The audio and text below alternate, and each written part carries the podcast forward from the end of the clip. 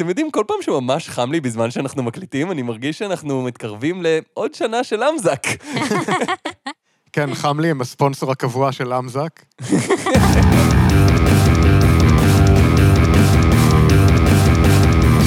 שלום לכולם, אני גל, איתי נמצאים חגי. היי. וליבי. היי. למזק, למה זה קיים? המקום בו אנחנו שואלים את השאלה שהיא השם שלנו. והפעם, שאלה של נימוס, שזה בניגוד לשאלה שהיא השם שלנו. חגי, שאלה של נימוס, למה זה קיים? אז באחד הפרקים הקודמים דיברנו על ספרי נימוסים אירופאיים משנות ה-60, מהסוג שמסביר איך צריך להתנהג כשאתה פוגש את האפיפיור ואת המלך בו זמנית, או איך להימנע מהערות פוגעניות כלפי שמיכות סקנדינביות. כן, זה ממש עזר לי להבין איך להתנהג כשמארחים רב חובל. והיום נדבר על הספר שאלה של נימוס, שיצא באמצע שנות ה-90, והוא אוסף כמעט 1,300 שאלות ותשובות בנושאי נימוסים והליכות לישראלים, מאת כהנת הנימוסים הישראלית, חנה בבלי.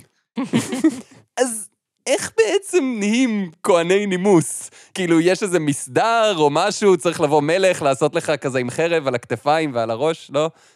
אה, זה אביר. סליחה. חנה בבלי באה מבית בורגני טיפוסי ברוסיה שלפני המהפכה. החינוך היה בידי אומנות דוברות גרמנית וצרפתית, ובבית הספר למדו את דרך הקידה הנכונה בפני הצארית, שם התכלית לבקר דווקא בבית ספר זה. כאילו לא יעשו להם גם ככה חצי שנה של חזרות בכל מקרה. וכמובן, שידעו את כל הנדרש של ריקוד הוואלס, ודברים רבים נוספים שלא סייעו לה כלל. עת עלתה לארץ כחלוצה בת 20 והתיישבה בבית עיקר ביבניאל בדרכה לסלילת הכביש הראשון שלה. אגב, לפי ויקיפדיה, כתוב שהיא עלתה לארץ כשהיא מצוידת במעיל פרווה, שני כינורות וזוג פעמותי כסף עתיקים. שזו תשובה מעניינת לשאלה מה תיקח איתך לאי בודד. מעיל פרווה, שני כינורות וזוג פמותי כסף עתיקים. אז 40 שנה אחרי זה, אחרי שהייתה גם אשת שגריר במשך תקופה, היא החליטה להפוך את הידע הנרחב שלה בתחום הנימוסים למקצוע. טוב, אני מניח שזה יכול להפוך אותך למומחית בנימוסין, דיפלומטיה, איך לא לגרום למלחמה בטעות, כאילו, כל מיני דברים אפשר ללמוד שם. כן, היא הקימה גם את מפעל הנימוסין בקריית גת.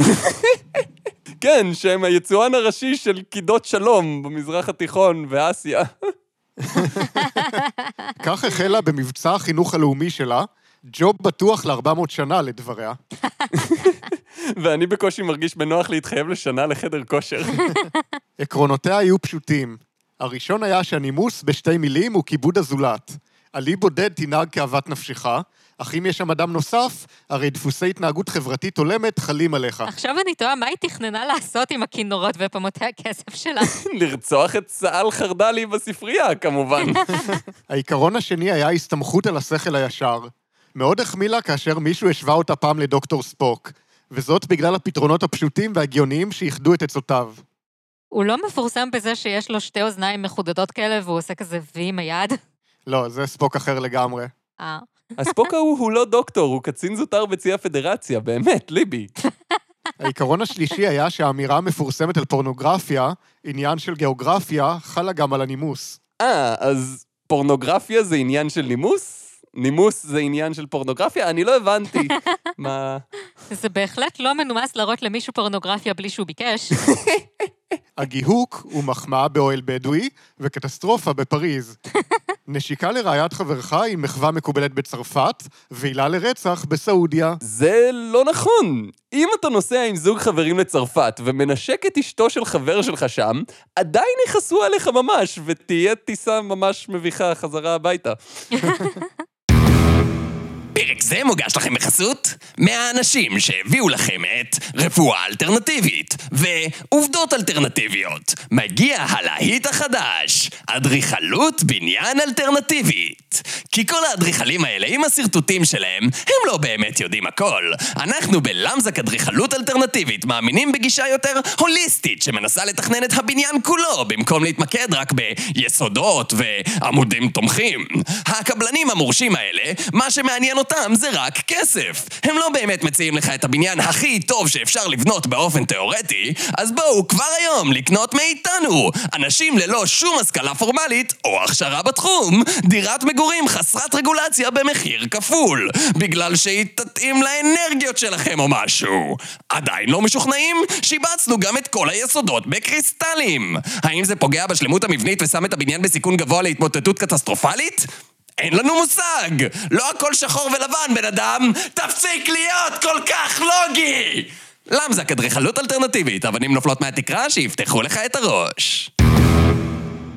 אז איך הלך לה עם הפרויקט הזה של ה-400 שנה? הייתה התקדמות עד עכשיו?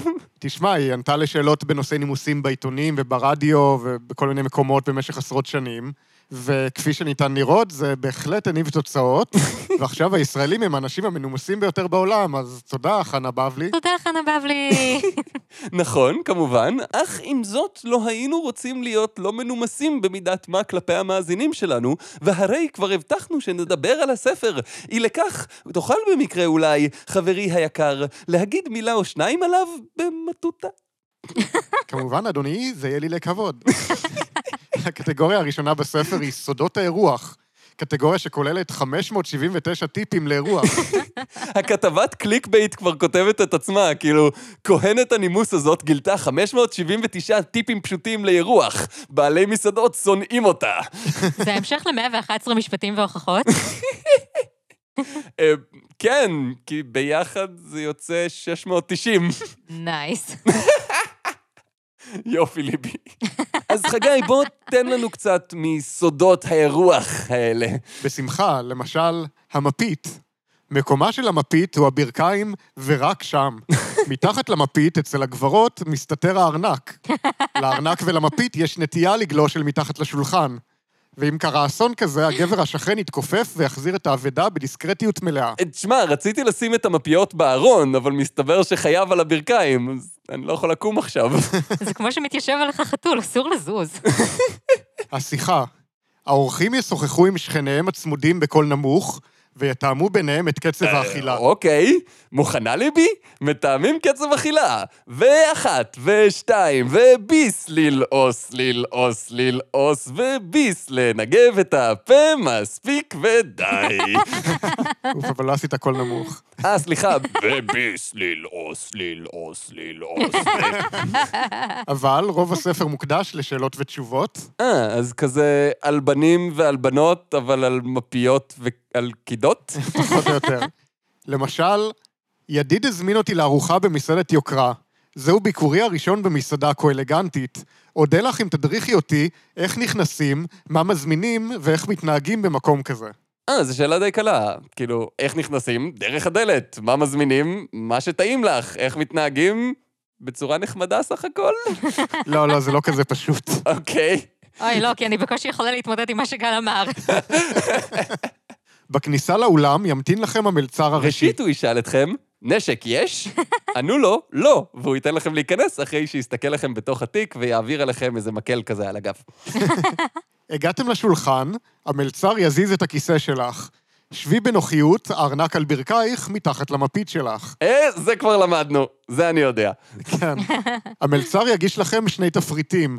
יותר מאוחר הוא יביא את תפריט העינות, אך תפריט זה אינו מעניינך. את היינות בוחר הגבר בהתייעצות איתך. נצלי את הזמן להביט על הכוכבים שניתן לראות במסעדה דרך תקרת הזכוכית המהודרת. לפני הארוחה נוהגים לשתות אפריטיף. אפשר לבחור בין שרי, ורמוט או מיץ עגבניות. איכס, איכס ואיכס. אם אינך רגילה לשתות משקאות חריפים, בקשי מיץ. ולא מהמלצר, אלא מידידך. הזמנות יימסרו למלצר באמצעות בן זוגך. אה, כשיגישו את האוכל, תתחילי לאכול ראשונה, אך אל תסיימי ראשונה. אם הזמנת חצי אשכולית למשל, והוא בחר במרק חם מאוד, אכלי את שלך לאט-לאט עם הרבה הפסקות.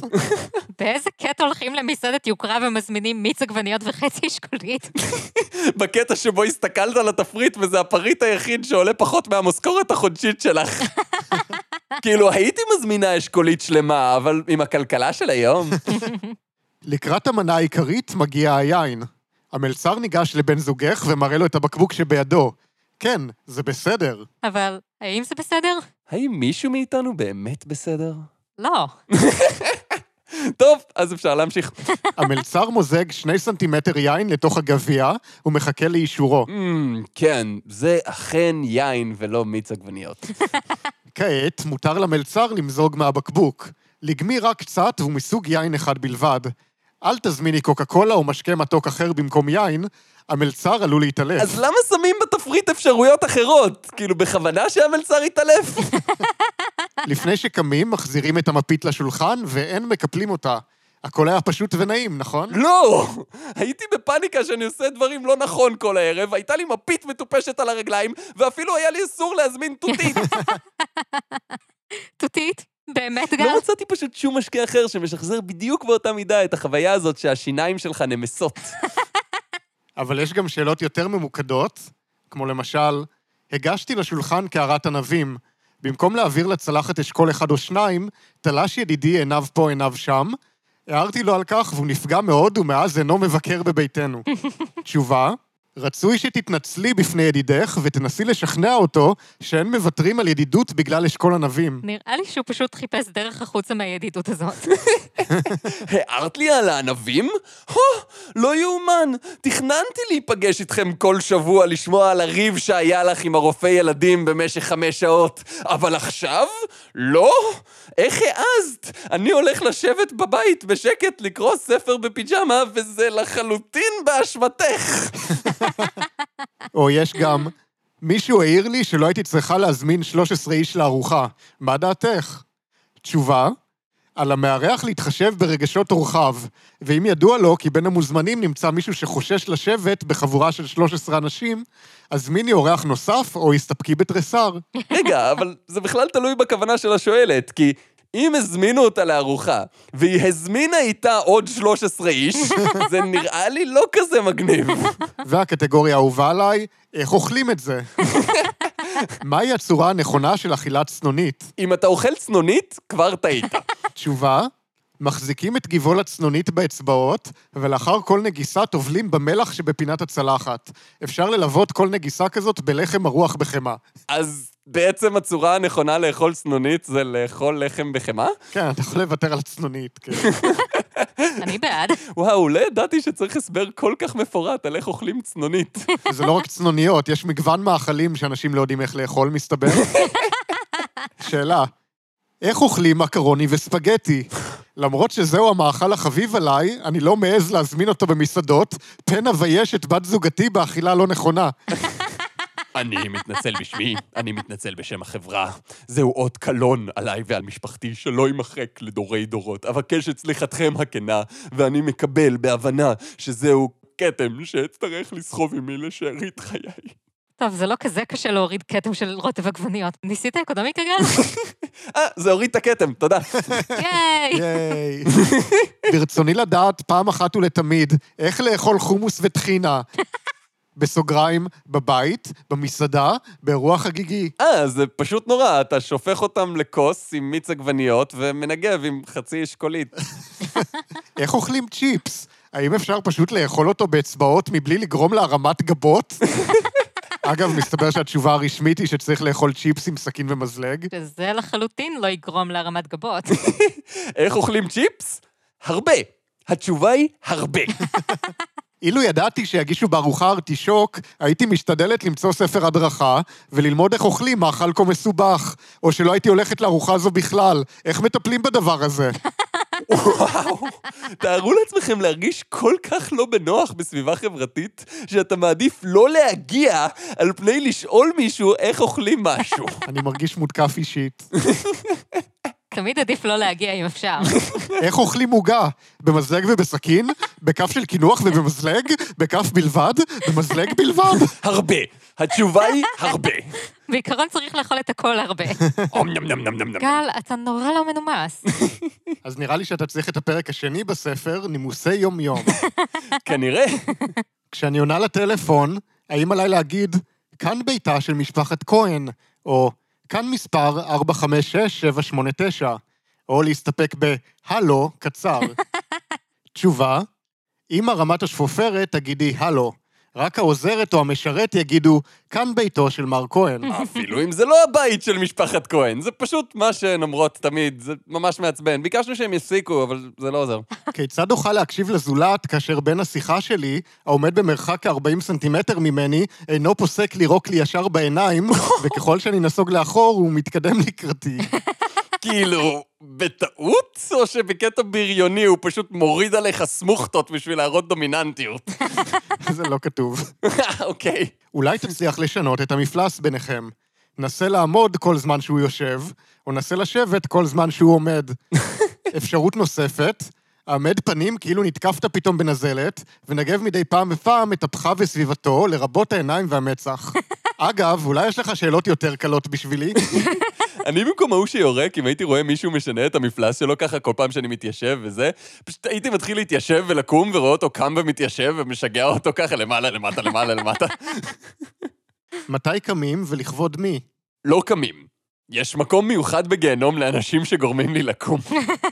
אם אני קם בשביל מישהו, זה בשביל מישהו שאני יורק עליו רק בשביל לעשות לו ספורט וזה. תשובה. 1. המארח והמארחת קמים לקראת כל אורח שבא לביתם. 2. האורחים יקומו ממקומותיהם במקרה שהמארחת נכנסה רק עתה לחדר, ועד עכשיו טיפל בהם המארח לבדו. 3. גבר קם כאשר מציגים אותו בפני גברת, והתרומם מעט כאשר עורכים לו היכרות עם גבר. 4. האישה אינה קמה כשעורכים לה היכרות. 5. במסעדה, גבר קם ממקומו כאשר אישה ניגשת לשולחנו, והוא נשאר עומד כל זמן שהיא עומדת. 6. בארוחות רשמיות הגברים קמים בהתקרב זוג, ומחכים בעמידה עד שהזוג יתיישב. ולזאב אסור להיות בסירה עם הכבשה, זה שמשקר תמיד אומר שהוא דובר אמת, ספר הכפר לא מספר את מי שמספר את עצמו, ומי שעומד מלפניי, מאחוריי ומצדדיי, הוא העומד! אבל אני חייב לומר שלא השתכנעתי בכלל על כל הקטע הזה של הלקום. אז בוודאי תשמח לשמוע טיפ מועיל על ישיבה נכונה אצל גברים. זה לפחות יותר בכיוון. פיסוק קל בין הרגליים, כאשר המרחק בין הברכיים שווה למרחק שבין כפות הרגליים, ואינו עולה על 15 עד 18 סנטימטר. הרגליים קצת קדימה בזווית 95 מעלות, לא אחורה ובוודאי שלא מתחת לכיסא, אלא אם מישהו עומד לדרוך עליהן. ישיבה זו נכונה בעיקר כאשר הגבר נמצא בחזית הבמה, מול מצלמות הטלוויזיה, בפגישה ראשונה עם זרים וכדומה. בהזדמנויות פחות רשמיות, הגבר יכול לשלב את רגליו, כשהרגל העליונה מתרוממת קצת קדימה. נא לא להניח את קרסול הרגל העליונה על ברך הרגל התחתונה. אל תגלה היכן מסתיימים הגרביים שלך. כשהרגליים במקומן, היד הימנית נחה על הרגל הימנית והשמאלית על הרגל השמאלית. האמת שאני משתמש בגרסה טיפה אחרת. כאילו, אצלי זה יותר... תישען אחורה עד הסוף, תוריד את האגן עד הקצה של המושב, ככה שהגב שלך מעוקם בצורה נוראית, שים את הרגליים אחת מעל השנייה, על השולחן, ואז תקליד על המקלדת שעל אותו שולחן, כשיד אחת עוברת מתחת לרגל התחתונה. אני קורא לזה ארגונומיה אלטרנטיבית. אני חשבתי שאיך לשבת זאת תהיה שאלה יותר קלה מאיך להתחמק ממישהו שיורק עליי, אבל מסתבר שלא. כיצד עורכים היכרות בין שני אנשים בעלי אותו מין, גיל ובעלי דרגה שווה? תשובה, במקרים כאלה לא מוסיפים, כנהוג במקרים אחרים, הרשה להציג לפניך, אלא אומרים, גברת לוי, גברת כהן, או מר מזרחי, מר אופיר. בשלב הזה, שני הצדדים מכריזים ביחד מלחמה, ואז כל צד צריך לשלוף שלושה אנשים נוספים, כשהשניים הראשונים מהם על הגב, ואז מי שהשלישי שלו בדרגה יותר גבוהה מקבל את כולם הביתה. אבל אני חייב להודות שאיכשהו כל העצות הפרקטיות והמודרניות האלה לחיי היום-יום לא נשמעות לי מאוד שימושיות. בסדר, אז בואו נעבור למשהו קצת יותר פרקטי. אוקיי. כשרוצים בפגישה עם נשיא המדינה, למי לפנות? פונים ללשכת הנשיא במשכן הנשיא. אדם שנקבעה לו פגישה עם הנשיא, חייב להגיע למשכן עשר דקות לפני הזמן. למשכן הנשיא אין מאחרים. עשר דקות לפני הזמן זה לחלוטין לא מספיק. למצוא שם חניה באזור זה 150 דקות מינימום. איך ינהג אדם שהוזמן ביום או בשעה שאינם נוחים לו? הסיבה חייבת להיות משכנעת ביותר. מחלה, היעדרות מהארץ, נישואי בן המשפחה או אסון שקרה, אלה הן סיבות מתקבלות על הדעת. העיקרון הוא, הזמנה למשכן הנשיא מבטלת כל התחייבות קודמת. הכלב אכל לי את החנינה. חברי ייעץ לי לא לקחת איתי עניבות פסים לאנגליה, כי יש להם שם משמעות מסוימת. האם נכון הדבר? תשובה, אכן, עניבות פסים נהוגות שם בין בוגרי בתי ספר מסוימים, חברי חוגים ומועדונים.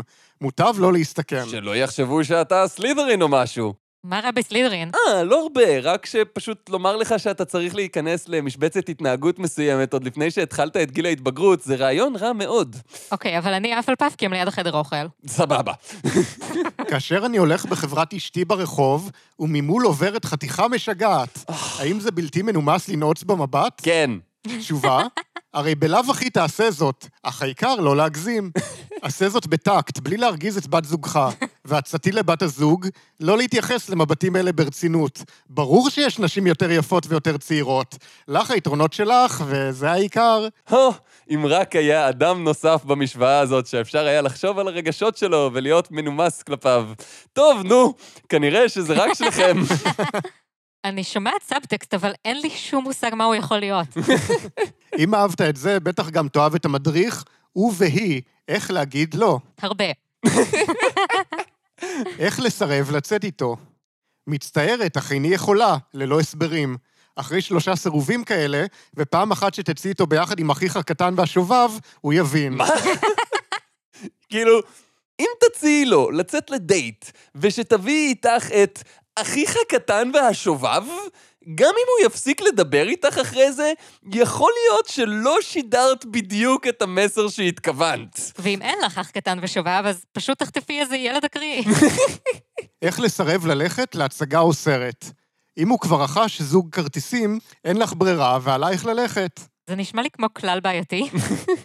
ליבי, קניתי שני כרטיסים לערב הרצאות של שבע שעות על אמבטיות משמעותיות בהיסטוריה, קווים לדמותן. אה, כבר קניתי כרטיסים, אז את חייבת לבוא. oh my god, זה בדיוק מה שרציתי, איך ידעת? יא! מה לא לעשות כדי שלא יהיה צורך לסרב? תשובה, אל תגרי אותו עם התנהגות סקסית מוגזמת. זה יותר מגעיל ממיץ עגבניות. אל תספרי על עצות מפולפלות, ואל תגלי התלהבות להלצות גסות. אל תלבשי אפודה צמודה מדי, מכנסיים קצרים מדי, ואל תלכי בלי חזייה. אה, אל תכתבי הקדשה חשודה, כגון לעולם לא אשכח את הלילה בכרמל, כאשר הכוונה למסיבת פורים תמימה שהתקיימה בבית התרבות על שם כרמל. זה ספציפי. זה בית התרבות על שם שולה כרמלי. וכמובן, אל תציעי ללכת לסרט סקס. זה פשוט עצה טובה. כאילו, אם זה הקטע שלכם, אז סבבה, אבל אם את רוצה להציע למישהו ללכת לסרט סקס ביחד, כדאי שתהיה לכם תקשורת הרבה יותר טובה ממה שמתואר פה. אז בעצם מה שאני מפיקה מהפרק הזה זה שלהיות מנומס זה להיות מאוד מאוד צבוע, כן? תראי, כן ולא, כי נימוס זה הטקסים האלה שאנחנו עושים בחברה. כמו שמגיעים לבית של מישהו, שואלים, אפשר להשתמש בשירותים בבקשה? מי יגיד לך לא? מי יגיד לך לא, אל תשתמש בשירותים? זה מאוד מאוד לא סביר, אבל מנומס לשאול, כי אתה לא תלך, תמצא את השירותים ותשתמש לבד בהכרח.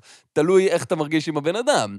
או נגיד באיראן, ממה ששמעתי לפחות, לא ביקרתי באיראן אף פעם, איראנים ספציפית הם עם מאוד מאוד מנומס יחסית. אם אתה נוסע במונית ושואל את הנהג כמה אתה חייב לו, הנהג די מחויב מבחינת נימוס להגיד, לא, לא, זה עליי, באמת, חינם, בשבילך אתה לא צריך לשלם. עכשיו, מה מסתבר? שתיירים לפעמים שומעים את זה ואומרים, אה, חינם? יואו, איזה כיף, נהדר, ויוצאים עם ההטבה הנהדרת שהם קיבלו, ואז הנהג צריך ללכת ולהסביר להם, לא, לא, עכשיו מה שאתה אמור לעשות זה להגיד לי, לא, לא, אני מתעקש שאני כן חייב לשלם, זה הפרנסה שלך, ועושים איזה כמה סבבים כאלה, ואז בסוף אתה משלם, כי אחרת זה פשוט לא מנומס. אז נימוס זה דבר מוזר, אבל אנחנו חיים בחברה, ו... זה הגיוני שיהיו טקסים מסוימים, אבל בכל זאת, אולי כדאי קצת לנסות להרגיש בנוח ופתוח עם הסביבה שאתה נמצא בה, כי אפשר להגזים גם עם זה.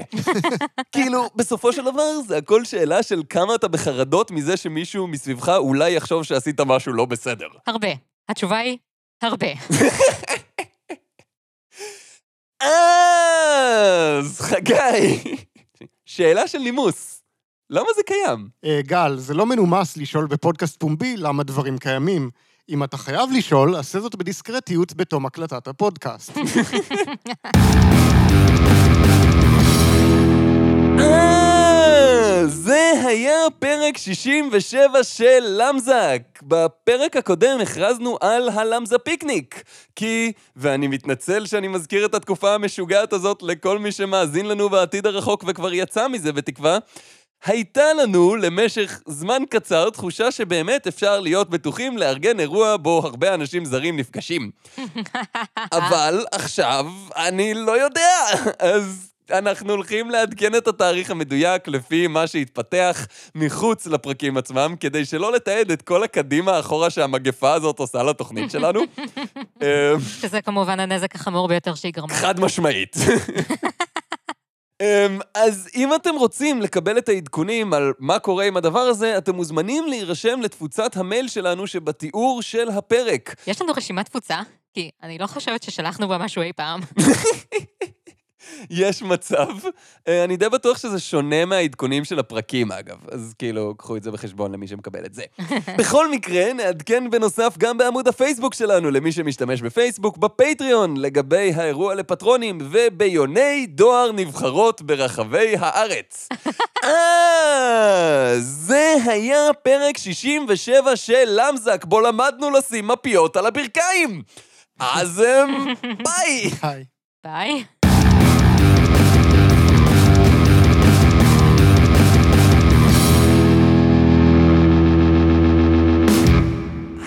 חגי, שאלה של נימוס, למה זה קיים?